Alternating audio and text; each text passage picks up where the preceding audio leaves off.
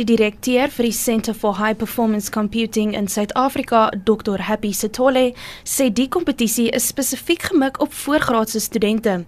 They get a challenge just uh, to design a supercomputer within a certain power budget and be able to run a number of challenges.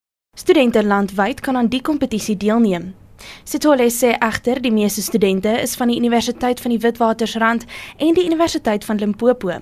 Hy meen dit is voordelig vir studente om in 'n vroeë stadium aan die vakgebied blootgestel te word. When we get the students at the undergraduate level, they are in a better position to be able to choose the right courses uh, that will be able to help them to grasp most of the concepts even at the postgraduate level.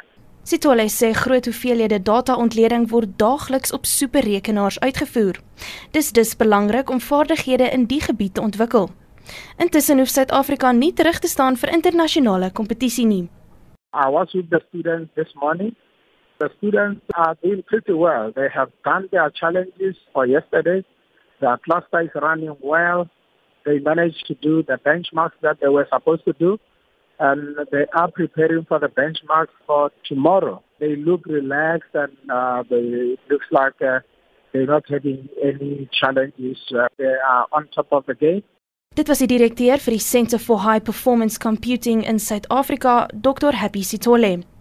13 internasionale spanne neem aan die kompetisie deel en die uitslae word môre aand bekend gemaak. Ek is Annelie Leroux vir SAK nuus.